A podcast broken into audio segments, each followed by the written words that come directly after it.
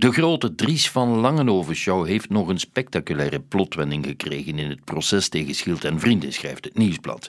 De hoofdrolspeler stuurde zijn kat naar de rechtbank. Zijn advocaat Rieder kondigde zonder te pleiten meteen aan in beroep te gaan. Dat is een gevaarlijk spel, vindt Peter Meilemans.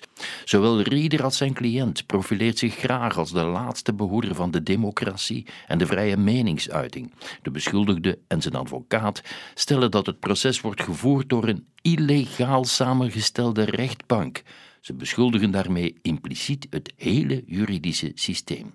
Dat is niet het dienen van de democratie en de rechtsstaat, dat is bewust het ondermijnen ervan. De morgen stelt advocaat in het proces Hans Rieder centraal. Met procedurefouten. De Rieder specialiteit is er op zich geen enkel probleem, vindt Bruno Struis. De procedures zijn er om ieders rechten te vrijwaren. Maar als je, zoals Rieder nu, het justitiesysteem totaal ongeloofwaardig noemt en er niet meer aan wil deelnemen, Waarom dan nog een toga om de schouders zwaaien? Rieder had nog een ander accessoire, een keppel, voor de show, want hij is niet Joods. De keppel is iets symbolisch. De drager zegt, er staat iets boven mij. Maar als Rieder zich verheven voelt boven de rechtbank, boven zijn collega's, boven de pers, boven iedereen, als hij zich met andere woorden God waant, waarom dan nog een keppelje dragen? Hoe langer de oorlog in Gaza duurt, hoe duidelijker het wordt dat het doel voor Israël veel verder gaat dan de militaire vernietiging van terreurorganisatie Hamas, stelt het Belang van Limburg.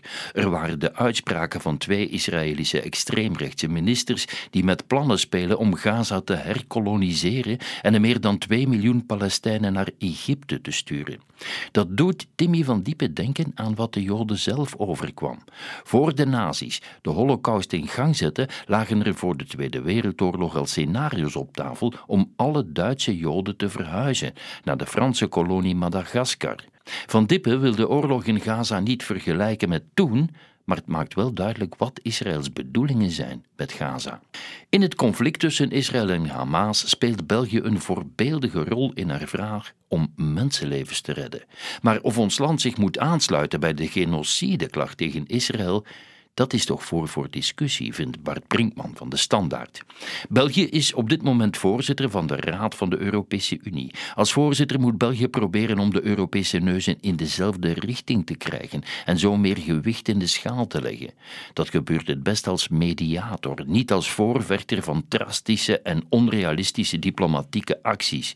Het lijkt de beste weg om zoveel mogelijk burgers van een voortijdige dood te redden.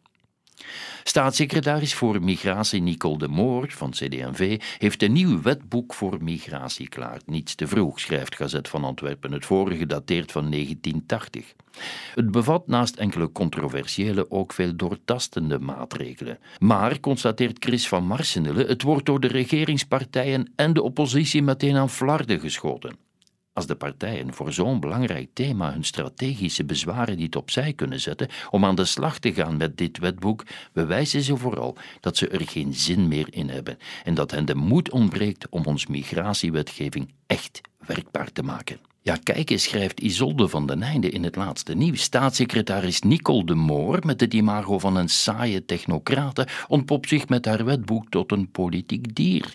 Nicole de Moor wil met dit wetboek het verschil maken. Los van de politieke strategie was dit werkstuk ook broodnodig. De procedureslagen waaraan sommige kandidaat-asielzoekers zich waren, zijn slopend voor onze maatschappij. Zo verbleef een gezin van zeven via een achterpoortje veertien jaar lang in de opvang. Ze nemen plaatsen in die we niet in overvloed hebben.